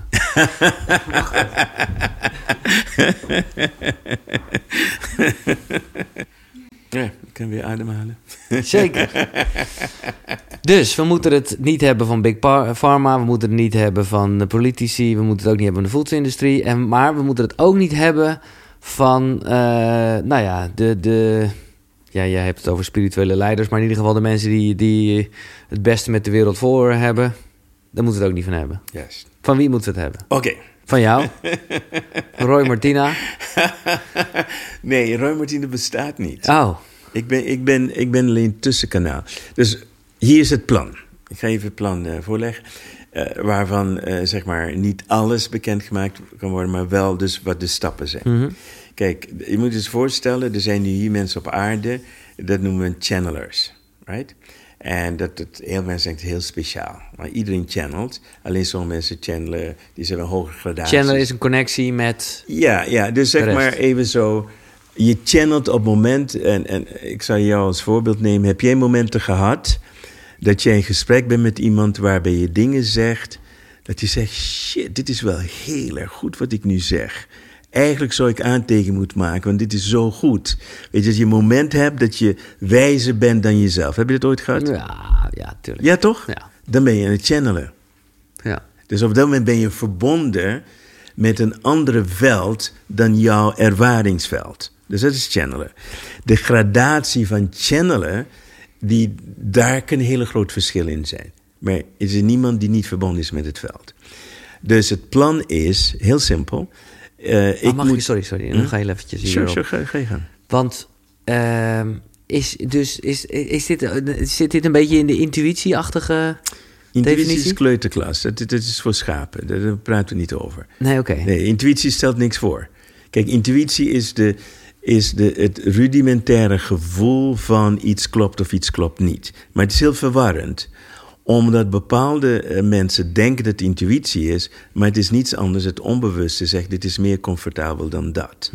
Dus intuïtie is heel verwarrend, omdat je niet een onderscheid kunt maken altijd met jouw gevoel. Hè, dus als jij iemand tegenkomt die lijkt op een oom van jou, toen jij kind was, die jou altijd plaagde. Dan is de beperking van mijn hersenen ja, dat hij dus dan denkt dat hij niet leuk is. herken je onbewuste die oom in die ander en je hebt het gevoel, deze vent klopt niet. Dat is één, één stuk. Dat is in feite niet jouw intuïtie. Nee. En heel veel mensen gaan daarop mis. En heb je Is mensen, dat meer instinct dan? Of is eh, het nou, het- kijk, je moet dus, dus voorstellen, het onbewuste eh, is geprogrammeerd om gevaar te onderscheiden van veilig. Ja. Dus dat kan soms geïnterpreteerd worden als intuïtie, maar is, een, is in feite niet een echt gevaar, maar een, een, perceived danger. Dus wij denken dat het gevaar is. Ja. En dat is een verwarring. Hè, dat er is, waardoor jouw intuïtie niet zo zuiver is als het had kunnen zijn. Dat is één. Dus waar we naartoe willen, is dus niet een, een gevoel, we willen meer naar een weten. Ja. Van, eh, ik moet in staat kunnen zijn om te kunnen checken of iets goed is of niet, maar in een neutraal veld. Ik zonder voel gewoon dat het zo is. Precies. Ja, dat, precies. Dus ik moet stappen uit mijn gevoel Ja. in het veld en dan check ik. Dat is één. En Sorry, dan ja, kan ik gaan- meer zitten in informatie We zitten in het plan, ja. Oké, dus nou channelen is eh, wat mij, de opdracht dat mij gegeven is geworden om een channelcursus te ontwikkelen dat 100% gechanneld is. Dus je moet je voorstellen, aan de andere kant in de vijfde dimensie staan ze te trappelen om mensen te vinden als spreekbuis. En er zijn heel veel channelers hier die channelen niet met wat ze zeggen dat ze channelen. Al die mensen met, met kaarten, engelenkaarten, dat soort onzin, nou, dat is geen channelen. Dat is dus een spelletjes voor kleuters. Oké, ik ga een kaart voor je trekken. En, en, en wat gebeurt wanneer je de kaart dus trekt? Dan is de interpretatie van de persoon gebonden aan de zuiverheid van die persoon of de kracht van een ego. Dus als ik resoneer met jouw trauma's, ga ik jouw verhaal vertellen. Dat dus mijn verhaal is aan jou. Dus heel veel mensen die channelen, die channelen niet zuiver. Ze hebben een onzin. Niks mis mee. Want de schapen vinden het geweldig. Ja, dus het is op zich prima. Maar dus ze zijn de andere kant zijn ze daar helemaal klaar mee. Ja. Dus wat ze bijvoorbeeld, eh, laten we de aartsengel Michael nemen. Die zegt, nou, de, hoe de mensen engelen waarnemen is allemaal onzin. Dat is helemaal niet zo. A, engelen hebben geen vleugels, om ermee te beginnen. Engelen hebben een heel specifieke functie om de mensheid te helpen op zijn pad naar het worden van zichzelf. Right? En wat zij dus zien, eh, is bijvoorbeeld, zij zoeken naar spreekbuizen die dus zuiver zijn, zodat ze echt mensen kunnen leren hoe ze gebruik kunnen maken van engelen. Op dit moment zei hij bijvoorbeeld, we hebben over 60 miljoen werkeloze engelen. Oké, dus Dat zijn mensen die wel eigenlijk goed zouden kunnen channelen. ja, nou, het, nee, je moet voor zo zien. eh, dus wat is een engel? Engel is een, een holografische projectie van iets in jou dat je buiten jezelf hebt geplaatst. Dus stel je nu voor, ik wil me veilig voelen en ik roep de aartsengel Michael aan om me te beschermen. De aartsengel Michael is een archetype dat in mij is, maar die ik nog niet in mezelf kan identificeren. Dus ik projecteer het buiten mezelf. Ik wil heling, dan roep ik de aartsengel Raphaël uit. Ik kan mezelf helen, ik kan mezelf beschermen. Dus de engelenkracht Zit in ons allemaal. zit in ons. Alright. Dus wij moeten dus die kracht in ons gaan dus channelen. Snap je? Dat is de Ja, taak van de engelen. De- om, om dat stuk te, te brengen. En niet een van de kaart lezen van... oh, je hebt 3 3 3 getrokken, bla, bla, bla. Maar jij gaat helpen zodat er een grotere groep mensen is die, eh, nou ja, eh, Die de zuivere energie kunnen brengen... ja. dat bedoeld is om de aarde te transformeren. Dus mijn taak is niet de wereld te redden... Mijn taak is ervoor te zorgen dat genoeg mensen zijn... Die de informatie brengen, mensen, zeg maar... eh, mensen gaan initiëren, mensen gaan helpen, begeleiden... op hun eigen manier, want ik zou het niet kunnen... Stel bijvoorbeeld dat jij in jou een afspraak hebt gemaakt met het willen channelen van een specifieke intelligentie. Ik bepaal het niet. Nee. Maar ik kan jou wel de weg ja, ja, ja. wijzen hoe jij in contact kan komen met dat waar jij voorbestemd voor bent. Dus er lopen hier op aarde, ik noem het sleeper cells rond. Er zijn duizenden sleeper cells. En die sleeper cells moeten wakker gemaakt worden. Dan hebben we een kracht. Want die sleeper cells die brengen hun in hun eigen specifieke terrein, brengen ze mensen in beweging. en, en hoe meer mensen dat dus doen, Ja. Dan ontstaat wat zeg maar, het plaatje me laten zien, dat het dus van Ja, ja, ja. beneden naar boven komt. En dat is wat de missing link is tot nu toe. En dan is het een beetje eh, als dat waanzinnige voorbeeld van die, van die apen. Waarbij er een paar apen bedachten. Precies. Je moet iets in het water wassen. En de connectie tussen die apen wereldwijd. Er zaten landen tussen, maar dat. Ja, dat is het morfogenetisch veld van Ja. eh, wat Rupert Sheldrake heeft eh, onderzocht. En zo wordt de Ja, mensheid dan meegetrokken naar dus die we hebben al die. eh, Er zijn dus mensen op aarde nu die dus de weg die is gezamenlijk, niet ik, ik, Nee. ik ben maar een tussenpersoon, die gezamenlijk de, het verschil gaan maken. Ja. Maar het moet komen vanuit, zeg maar, het zuiver kunnen channelen. En daarna weten we allemaal, als er een schaap over de dam is... Ja, ze rennen allemaal over de dam heen. allemaal. En, en als we gaan kijken naar... Ik, ik heb nu dus een aantal dingen. Je moet dus weten, ik, dit jaar heb ik besloten... ik ga een challenge doen van een jaar. Dus zijn we 4 januari zijn we begonnen. En, daar, dus, en dat zijn allemaal modules. Module 1 was gewoon... wat zijn je geloofsovertuigingen? Allemaal overboord gooien, allemaal onzin. Ja. Dat bestaat niet. Nummer 2 was eh, je innerlijk kind. Hè? Dus... eh, die is getraumatiseerd, dus die Ja. gaan we helen. Module nummer drie is dus, eh, even kijken, is dus karma verbranden noemen we dat. Dus in feite je vrijmaken van al die bullshit van schuld, schaamte en dat ja, soort dingen. ja. En dan krijg je module vier is stappen in je grootsheid. Van wie ben je nou echt? Ja. Kun je een keuze maken. En dan wat we open gooien. Dus iedereen kan starten, al door die modules heen gaan. Maar wat we open gaan gooien, waar iedereen in kan stappen, is gewoon de, wat we noemen module 5. En dat is het leren van channelen. En wat we bij channelen gaan leren, is stap nummer 1. Is dat jij je vrij moet maken van alle tijdslijnen waar jij, doordat jij intuïtief of channelt, pijn hebt geleden. Dus pijn moet eerst orde opgeruimd. De meeste channels zitten nog in een pijn. Tweede is dat jij moet weten hoe jij met je ego moet omgaan. Hoe kan ik mijn ego opzij zetten, zodat ik zuiver word om de, interpre- om de informatie niet te interpreteren. Kan je daar een klein tipje van de sluier oplichten? In wat we Hoe, dat, hoe, dat, hoe, de- hoe, hoe we dat ego opzij kunnen Ja, zetten? dus wat je moet dus doen, het ego wil betekenis geven aan wat er gebeurt. Het is gevaarlijk, niet gevaarlijk. Dus het eerste stap is het veilig maken om jouw lichaam beschikbaar te stellen voor een andere, noem het spirit, intelligentie, dan jij. Ja. Ja. dat is voor het ego het allermoeilijkste. Ja, ja, ja, Kun je je voorstellen? Dat iemand anders, het voelt als een verkrachting aan. Ja, ja, dat je- Iemand anders gebruikt. En heel veel mensen identificeren zich met het lichaam. eh, Die, maar zelfs je niet identificeert met het lichaam. Dus sta je iets anders toe. Dat je soms niet eens weet wat dat anders is. Jouw Dat lichaam te gebruiken. Waarbij jij al of niet bewust bent van wat er gebeurt. Of niet. Ja. En elke keer als die channeling komt. Kan het best zijn. Dat merk ik dus aan mijn vrouw. eh, Die, eh, het is net als je uit een droom bent gestapt. En dus je herinnert je flarden, maar je kent het hele verhaal dus niet. Dus na elke keer dat zij voor mij channelt, ik gebruik haar om vragen te stellen. Dan vertel ik haar, ik maak altijd verslagen, ik vertel even wat er dus gebeurt. Maar dit is een training geweest voor haar om dat te kunnen. Ze was al heel erg intuïtief. Ja. Dus ze is iemand die super intuïtief is. En wij moeten dus haar trainen. Dat hebben we dan gedaan via een, een vorm van hypnose. Hebben we getraind tot het... toen ging ze weer met zelfhypnose. Zij kan haar ego zo parkeren. Ze haalt diep adem in, ogen dicht. En dan, wanneer ik vragen stel nu aan haar... Dat zijn vragen die ze niet kan beantwoorden. En toch krijg je een antwoord dat zinvol is. En het zijn geen spirituele vragen. Het is niet van eh, wie moet ik huggen vandaag. Het zijn vragen die echt gedetailleerd zijn van wat is de volgende stap, wat moeten we nu doen, enzovoort. Dit wel, dat niet. Nou, iedereen, dus de bedoeling van deze cursus van channeling is dat er zijn een aantal mensen die zijn al gekozen of hebben zich aangemeld om de leiders te worden voor een specifiek stuk. En ieder ander, die krijgt in ieder geval de vaardigheid om te kunnen hun eigen hogere wijsheid te channelen. Dus, en dat wordt dan jouw gids. En dat is het verschil. Dus de gewone mens heeft er wat aan. En wij zoeken naar de slapers die de leiders worden en de boodschap hebben. gaan brengen in het geheel. Dat is dus het plan. Oké. Mhm. Maar ja, hier ga je in april 2022 echt niet multibiljonair mee worden. Zeg jij?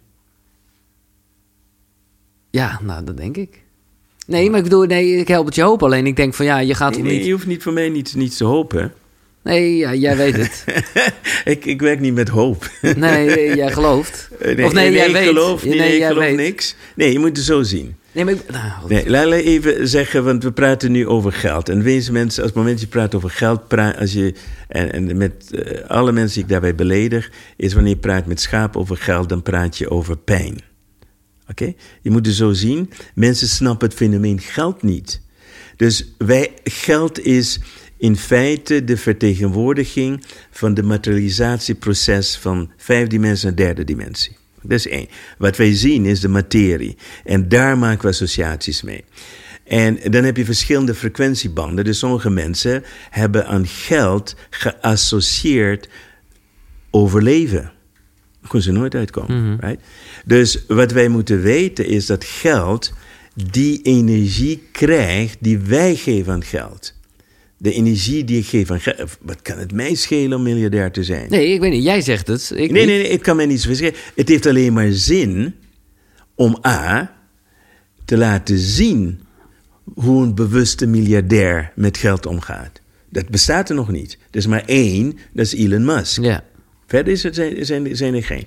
En Elon Musk heeft, is heel doelgericht bezig de wereld te redden. ja, maar wel met veel ego hoor.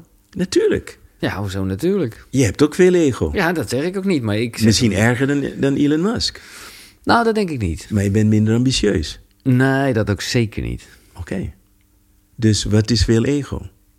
Nou, dat hij gewoon... Maar goed, ik heb hem gewoon één keer ontmoet. Nee, en, en, en, en toen dacht ik gewoon, gast... Die ging helemaal vertellen hoe alle regeltjes op Mars, hoe die dat zou gaan doen, hoe het politieke systeem daar zou werken. Mhm.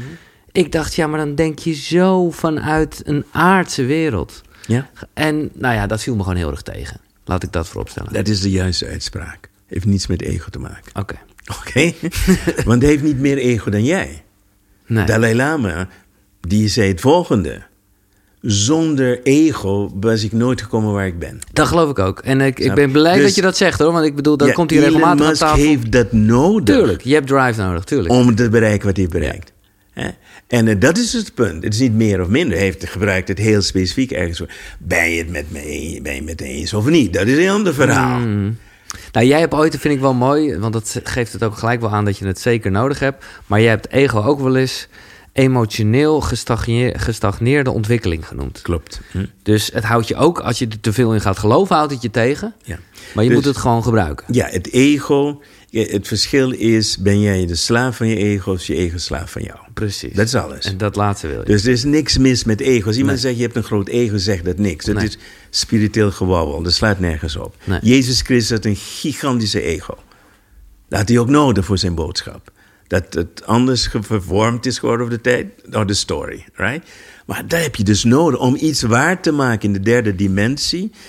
Heb je die ego nodig. En wat je moet weten over de ego, de ego is de grens waarvan het spel tussen licht en duisternis. Mhm. Dat is het, daar hebben we het ego nodig. Ja. Kijk, en wat we ook kunnen zeggen van eh, Elon Musk, zijn missie is groter dan hemzelf. Absoluut. Nee, En dat is waar, waar we moeten varen. Ja. Als er meerdere mensen dat, dat hadden, als meerdere miljardairs dat hadden, we had a different world. Begrijp ik bedoel? Ja. En hij is gewoon lekker zichzelf. Hij is schaamteloos. Ja. Wat heb je nodig Ja, dat dat is wel top. Ja. Maar goed, dat is ook een voorbeeld voor jou in de goede zin van het woord. Ja, ja, ja, absoluut. Eh, nou ja, ik bedoel er gewoon meer te zeggen. Maar ja, nogmaals, jij begon zelf over de multibiljonair. Ik bedoel, als je gewoon rijk had gezegd, had ik hier niet zo aan gehouden. Maar jij begint over multibiljonair. Dus dat zijn wel degelijk gewoon pegels, euro's, eh, dollars. Ja, dan had jij moeten vragen waarom. Nou, het is meer... Nee, want ik vraag hoe. Jij zegt dat, dat weet ik niet. Maar vervolgens leg je hier een plan neer. Wat ik waanzinnig vind. Hè? Dus het- ik, dat voel ik heel erg met je. Van als jij in staat bent om meer mensen in staat te laten zijn om te kunnen channelen. Alleen ja, daar, zie- daar zie ik gewoon zo heel slecht euro en dollars aan hangen. Ja, nee, maar, zie maar goed. Je, je leeft wel in de derde dimensie, of niet? Ik wel, ja. Oké, laat, laat me het volgende vertellen. Je hebt dat nodig. Mijn, mijn strijd is met Big Pharma. Mhm. Nou, ik hier, ja, ik ben eh, welgesteld. Ik ben oké, ik kan aardig leven. Ik kan eerste klas rijden, ik kan een Tesla rijden. Al dat soort dingen kan ik. Mm. Big Pharma, Insane. Ja. hoe, geen kans. Ik ben een bacterie. Snap je? ja, nee, ik snap je. Dus het gaat niet om mij. De, Nee. de macht van de Big Pharma. 300 miljard wordt uitgegeven alleen aan marketing, branding, beïnvloeding. Ja. Hoe, hoe ga ik dat aan? Hier, Roy Martine, leuk, leuk en aardig. Hè, ik ben bij jou, leuk en aardig. Wat leuk, weet je wel? Ja, nee. Schiet geen fuck up. Nee. Wat ik bedoel? In die wereld van polarisatie Dus daarom heb je... Nee, oké. heb je die tegenmacht nodig, nodig. Je ja. hebt, daar heb je force nodig. Ja, precies. Ik heb de power nodig om het te manifesteren. Ja. En dan is Duidelijk. het, zeg maar, ezel tegen ezel. Ja, ja, ja. Nee, maar nou snap, Snap ik je. je? Nou snap ik je. Maar niet voor mij. Nee, oké, lekker. I don't, en voor mij, ik, mijn vrouw, die is aangewezen als chief executive spender. Zij moet het zo snel mogelijk uitgeven als het binnenkomt. Dat is haar taak. Aan goede doelen, aan educatie, Ja, nee, precies. aan veranderingen. En, en ja, zij doet die graag, dat doet ze graag. Voorheen deed ze het eh, met onze creditcard. Maar nu zegt ze, straks krijgen, dit mag je gaan besteden aan goede doelen. Ja. Nou, zij, zij is helemaal blij natuurlijk. Dus dat is het van, ik, mijn doel is, breng het binnen. Haar doel is, breng het weer naar buiten. En daarvoor willen wij ook voor... Kijk, je moet het zo zien dat de bestaande wereld van miljardairs en rijke mensen... die hebben een bepaalde rolmodel. Die hebben 0,0 ander rolmodel. Ja. De taak is er van binnenuit mee te krijgen naar de oplossing van het probleem. Er zijn op dit moment 2777 miljardairs. Stel je voor dat we 2000 mee kunnen krijgen in het veranderen van de wereld. Ja. Ja. Dat is, maar je komt die club niet binnen met je handje van... heb jij een miljoentje voor mij? Nee. Er wordt niet naar jou gekeken. Je komt binnen via de deur waar zij dus naar binnen Ja. komen. En dan heb je En dus invloed. loop je dat pad, ja. Niet alleen, maar het tweede stuk is... wanneer een miljardair wat roept... dat is wel de Bijbel, hè? Dat wordt wel door de hele... Oh, zo bedoel je. Ik bedoel? Ja, dus ja. iedereen die zegt... oh, die zegt dat, hij zal het wel weten, enzovoort, enzovoort. Dus het is, je hebt een heel andere influence, heb je. En het de derde is dat je daarmee hebt bewezen... Mijn, mijn punt is om te bewezen dat deze kwantumwetenschap ook werkt. Dus dat wil ik aantonen. Dus als het moment dat ik dat bewijs... dan zullen 100 miljoen mensen op de wereld willen dat ook. Ja. En dan breng ik ze in die funnel waar ze leert channelen. En dus schoonmaken. En als ze die funnel komen, zijn ze niet meer de persoon die in de funnel. Ze zijn met een hebzucht erin gekomen. En ze komen op een andere manier weer ja, eruit. precies. dat is het plan. Dat is de reden ook. Nee, want ik zit bijna te denken, ja, hoezo wil je dat bewijzen? Je weet het toch zelf? Maar voor goede... mij. Nee, precies. Maar je hoeft jezelf... ik een- besta niet. Eh, ik heb ook, eh, toen ik zei eh, dat jij hier aan tafel zou schuiven, heb ik heel veel vragen binnen gehad. Mhm. Ehm, en een aantal, de meeste zal ik gewoon aan het einde doen. Maar omdat we nu toch een beetje de tijd waarin we leven besproken hebben. Mhm. ehm, ja, daar zijn natuurlijk veel vragen over. Eén hele algemene vraag van Martijn 1983 is bijvoorbeeld: hoe gaat hij om met COVID? Mhm. Het is een vrij open vraag, maar ik vind hem wel even leuk om te stellen. Hoe ga ik om met COVID? Ja. Ik zou niet weten. het bestaat in die zin. ik denk dat de vraag te algemeen is. Laten we zo zeggen: COVID is het beste wat mij is overkomen. Oké. En, en dat is heel simpel. Voor COVID reis ik de hele wereld af. Ik leefde in hotels en, en noem maar op. Ik was de wereld aan het redden. En het was meer force dan power. Laat even duidelijk zijn. Toen kwam COVID. En toen eh, werd ik gedwongen om in een klein kamertje te gaan zitten. Wel, Ja. een luxe kleinkamer. En dan kun je niet meer dat reizen. Dus dat is tijd. Dat is tijd. Ja.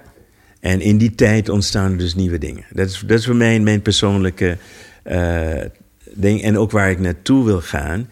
En, en in die COVID-tijd is natuurlijk... Mijn, daardoor is mijn aandacht nu verschoven. En is nu de opdracht, dus het mensen leren, de channel te Ja, leren. ja. Dat, dat was niet Mooi. gebeurd als het niet in COVID was geweest. Dus voor mij is COVID in die zin een zegening. Maar ik En- kan me toch ook niet aan de indruk onttrekken... als we het weer hebben over Big Pharma en zo... dat je toch ook eh, wel zorgen maakt. Nee, zo niet. Zij laten, kijk, de Big Pharma heeft nu laten zien wie ze altijd al waren. Kijk, de, de mensen die, die zeuren nu over vaccinatie, ja of nee. We hebben miljoenen kinderen hebben we laten vaccineren met, met, met poison. Hmm. En nu in één keer wordt de poison in jou gestoken, dan ben je in één keer bezorgd. Wat over al die kinderen die beschadigd zijn met, met de poison. Dat is één waar, waar we over na moeten gaan denken. We hebben de Big Pharma de ruimte gegeven.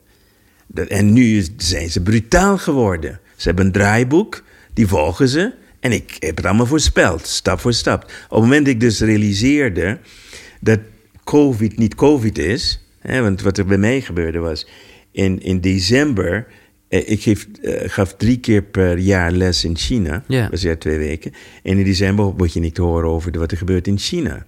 In januari, eh, wat was het, 2019 geloof ik? Was het Nee, 2021? 22. Eh, wacht Of even, ja, ik weet dat ik hem ook kwijt. Maar ja, ja, nee, het begin. 2020, 2020, ja, Ja, ja, je hebt ja. gelijk. 2020, dus heb ik een programma gemaakt. En ik heb gestuurd naar China. En dat waren dus wat we noemen frequenties om te helen. En antiviraal. Meer dan 60.000 mensen hebben het gedownload en verspreid onder vrienden. Geen van die mensen hebben een probleem gehad met COVID daar. Dat was één. Nou, dat, dat zie je. Dus voor mij was het een experiment. Dat was democratisch gedaan. En, en op een gegeven moment kwam COVID naar Europa. En ik dacht nog van ja, simpel, dat lossen we zo op. Ik was de eerste ter wereld die een homeopathische vaccinatie klaar had. Helemaal perfect. En op een gegeven moment word ik gecensureerd. Ja, precies. Ik mag niet meer zeggen wat goed is. Nou, toen begon ik te denken: wacht even, dit klopt hier iets, klopt hier iets niet. Dus dit is niet meer. Kijk, daarvoorheen had, had ik nog free speech. Ik kon zeggen wat ik wil. Nu word ik uh, van Facebook verwijderd, YouTube geblokkeerd. Ik krijg boetes van de regering, noem maar op. Voor het feit dat ik nu bezig ben mensen te helpen. Ja. Dus toen werd we dus wakker. En voor mij is het niets anders dan dat het een prachtig plan is van Big Pharma. Om mensen nu allemaal te, te vaccineren. Want daar zit het geld. Maar de mensen mensen niet weten dat het werkelijke geld is niet vaccinatie. Werkelijk geld zit na de vaccinatie. Wanneer we kinderen vaccineren, dat is een 60 miljard industrie. De industrie van het behandelen van de nevenverschijnselen door vaccinatie is 150 miljard. Ja, ja. Dus dat is nu wat er gaat gebeuren. En wat deze mensen dus ook niet weten, het is geen vaccinatie, het is puur genetische manipulatie waar we niet weten wat de consequenties zijn. Maar dit zijn nogal uitspraken, Roy. En uh, ja, dat, dat, ben ik ook hiervoor. Oké. Okay. Om uitspraak te doen, toch? Zeker. Uh, Inge Augustina, ik moest je de groeten doen. Ik weet niet of je die kent. Maar uh, die, die vraagt, en misschien is dat wat jij net zegt, wat je zelf ontwikkeld hebt. Ik ken het woord niet. Komt er een homolytische vaccinatie? Maar misschien bedoelt ze homopathisch. Ja, het, het, het, het, woordje vaccinatie is niet correct. Kijk, op de eerste plaats moet je het zien van het immuunsysteem klaarmaken voor... Uh, of het nou coronavirus is of iets anders. Kijk, we gaan in feite, moet je het zo zien, het immuunsysteem. Als je kijkt naar het immuunsysteem, zijn er heel veel dingen die artsen niet snappen. Je hebt iemand met borstkanker, right? Borstkanker in de linkerborst. Maar het immuunsysteem is goed. Mm -hmm. Wat betekent dat? Hoe kan het met een goed immuunsysteem er kanker ontstaat op een bepaalde plek. Nou, als we dan gaan kijken naar het hele systeem van de meridiaan in acupunctuur, dan kun je zo zien waar dat mee te maken heeft. Dus één meridiaan moet gestoord zijn, en, en emotioneel, waardoor er een blinde vlek ontstaat in je beveiliging. Dus in feite, als we zeggen, we hebben overal camera's en, en, en dat soort dingen hier, maar één plek is niet beschermd, dan komt. Dat is waar het gebeurt. nou, met de virus is het precies hetzelfde. Dus het enige wat dan uh, de homeopathie heel goed in is, is dus het immuunsysteem wakker maken om zich met name op de frequentie van de virus beter in te stellen. Dus, dus nu is het wakker. In principe hetzelfde wat een vaccinatie beoogt. En ik heb niet gezegd dat een vaccinatie goed of slecht is. Het enige wat ik zeg, er zijn consequenties van het experiment dat wij nu aan het doen zijn, waarbij we nog niet weten, en er is geen enkele wetenschapper op aarde die dit kan ontkennen, dat we nog niet weten wat de gevolgen zijn. Dit is geen normale vaccinatie. Dit is een, een vaccinatie voor de eerste in zijn soort, waarbij voor het eerst gewerkt wordt met het manipuleren van het DNA. Ja. Het enige wat ik zeg, is ja, je kan wel praten over het, hoe beveiligd we zijn met die en met dat. Maar waar niemand weet nog. Wat zijn de lange termijn consequenties van deze vaccinatie? Niemand op aarde maar, okay, kan het, dat vertellen. Maar dat is een experiment waarvan uh, ja, misschien wetenschappers uh, zullen zeggen... Ja, nou ja, dat risico moeten we maar nemen. Dat is dus niet wetenschappers, dat is de Big Pharma. Ja, de, ja. de wetenschappers die, die, die worden betaald om iets aan te tonen. Dat is geen wetenschap. Nee. als ik jou, als ik miljarden zou hebben en ik zeg: uh, hier, neem een paar professoren, jullie moeten dit gaan aantonen. Dan gaan die professoren heel creatief worden om dat aan te tonen. Meer, meer is het niet. Nee. En het feit dat wat echt mensonterend is, de cijfers die ze laten zien, die niet kloppen.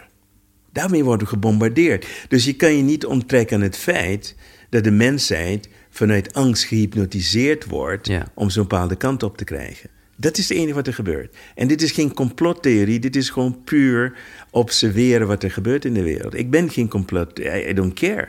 Als iedereen die kijkt, die zegt een aantal dingen kloppen niet. En, uh, nou goed, maar de meeste mensen zijn gehypnotiseerd en die kijken niet. Als ik met wetenschappers praat, die, die zijn allemaal gehypnotiseerd. Hypnose heeft niets te maken met jouw intelligentie. Nee. Dus op het moment dat je gehypnotiseerd bent, heb je geen toegang tot je intelligentie. Net als met emoties niet. Op het moment dat ik emotioneel ben, kan ik niet nadenken. Dus we hebben de wereld gehypnotiseerd en we kunnen- hebben de wereld van het denken Maar dan even, en dan ronden we dit onderwerp af, want ik vind dat een vreselijk onderwerp. Wa- want, want wat is dan... Ja, weet je, je, je hebt al wel de rol van Big Pharma uitgelegd, maar hoe, die- ik bedoel, er, er is toch een virus. Dat is toch niet allemaal gecreëerd en bedacht? Dat is de vraag. Ja, dat is mijn vraag is aan jou. Hoe, vraag. jij- hoe zie jij dat? Nou, kijk, de virus... jij, eh, Kijk, er zijn een paar dingen die we kunnen heel lang praten over de virus, maar dat is niet zo interessant. Kijk, je moet het in feite dus... Want er zijn wel mensen, dat wil ik er altijd wel toch als tegenhanger aangeven. En ik ben met je eens dat de media gaat op de angst. Dat er cijfers worden getoond die je heel anders kan interpreteren. Maar feit is ook dat er mensen zijn die heel lang last hebben van iets waar ze, nou ja... Oké. Hoe, hoeveel, wat weet jij van hypnose af? Nou, ik heb Edwin Selei hier gehad. Ik weet eh, ik, eh, weet er iets van. Is het mogelijk, als ik dit vraag, als ik jou hypnotiseer en je iets gaat vertellen, dat jij dat gaat ervaren wat ik je? Absoluut. Nee, tuurlijk. Ja. Placebo-effect. ja. Nee, eens. Nocebo-effect. Ja. Dit is het nocebo-effect. Ja. Kijk, je moet Dus dus zo angst zien... is eigenlijk het grootste virus. Dat is de virus. Ja. Eh, Op het moment dat mensen die niet angstig hoeven te zijn voor een virus, omdat het immuunsysteem gezond is, omdat het bewezen is dat maar een klein percentage werkelijk problemen heeft, maar het grootste percentage niet. Mhm. Nee. Dat werd geroepen, 98% van de mensen, bla bla bla.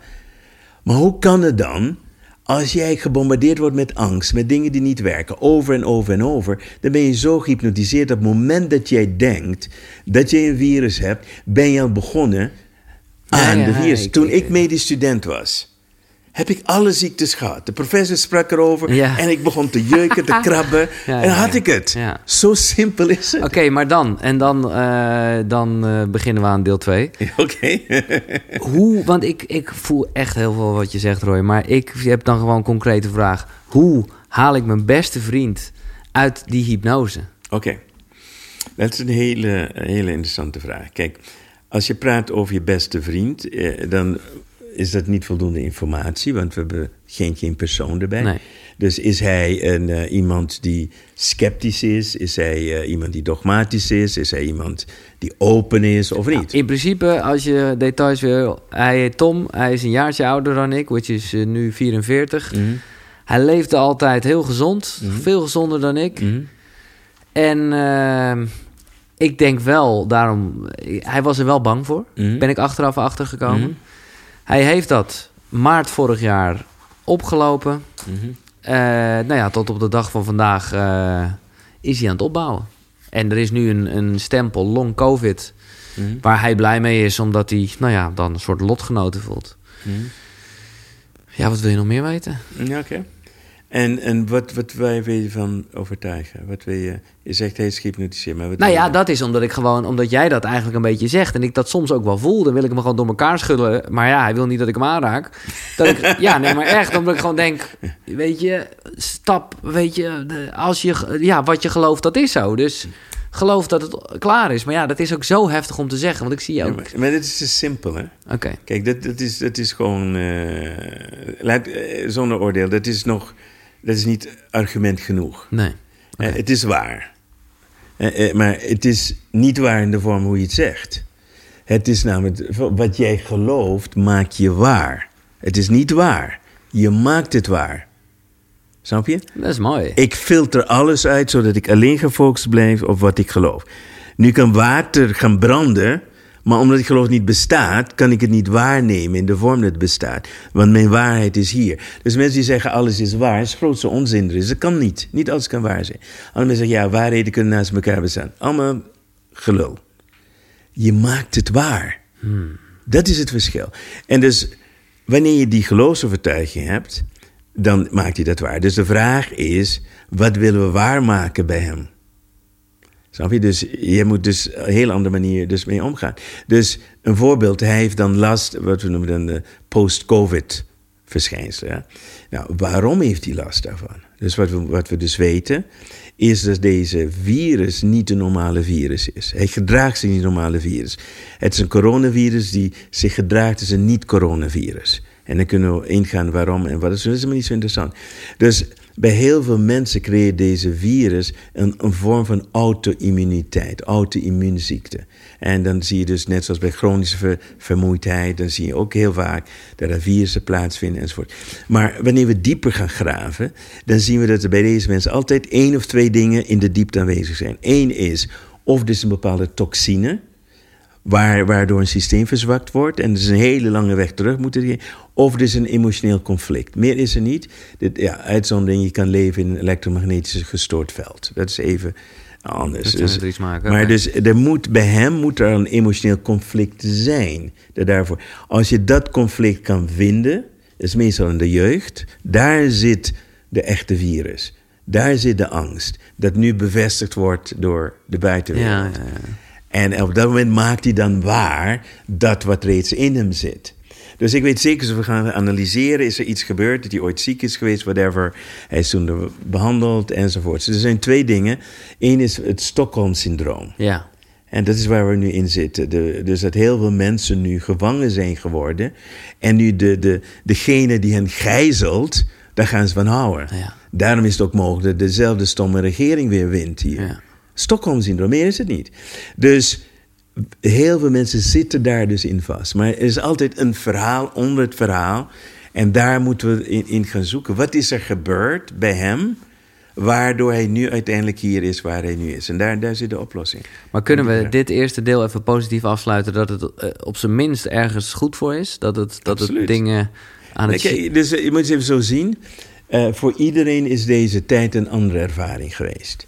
Kijk, de virus is voor mij niet zo interessant. Dat, dat, dat komt en dat gaat. Dat zal uiteindelijk verdwijnen met vaccins, zonder vaccinatie. Dat is gewoon de wetmatigheid. Maar als we het gaan bekijken vanuit wat sommige mensen willen zien als het spirituele stuk, dan bijvoorbeeld voor een ondernemer, dan zou de vraag kunnen zijn: is jouw bedrijf crisisbestendig? Ja, precies. Dus dat is een andere weg die je moet gaan. Indien je in een relatie bent en je merkt nu dat je elkaar uh, bokswedstrijden en spelen bent met elkaar, dan moet je nog gaan kijken van. Het is heel veel mensen, je relatie is over.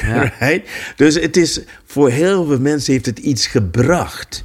Kijk, de, de, de, het, het, zeggen, het spel eromheen is niet zo interessant. We konden ze doodstaan op de virus de vaccinatie.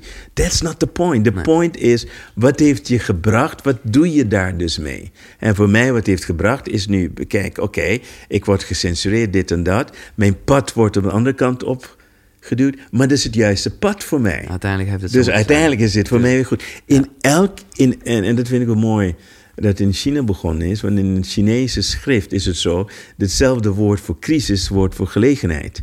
Dus wat is jouw gelegenheid? Wat is jouw opportunity? Wat is jouw transformatie in deze tijd? Wat heb jij geleerd van de lockdown? Want één ding weet ik zeker: dat jij jezelf beter nu kent na de lockdown dan voor de lockdown. En dat is je winst.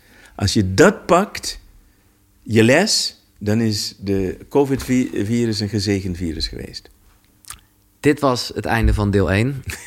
Als je nu denkt, uh, oh mijn god, uh, ik, ik heb gewoon nog, ik wil, uh, tenminste heb je nog tijd Roy? Oké, okay, top. Dan gaan we door namelijk. Maar ik kan me voorstellen dat als je dit allemaal een beetje verwarrend vond. Geloof me, deel 2 wordt een hele positieve. Dat weet ik gewoon, want er zijn nog genoeg dingen om met Roy Martina te bespreken. Dus ja, tot deel 2.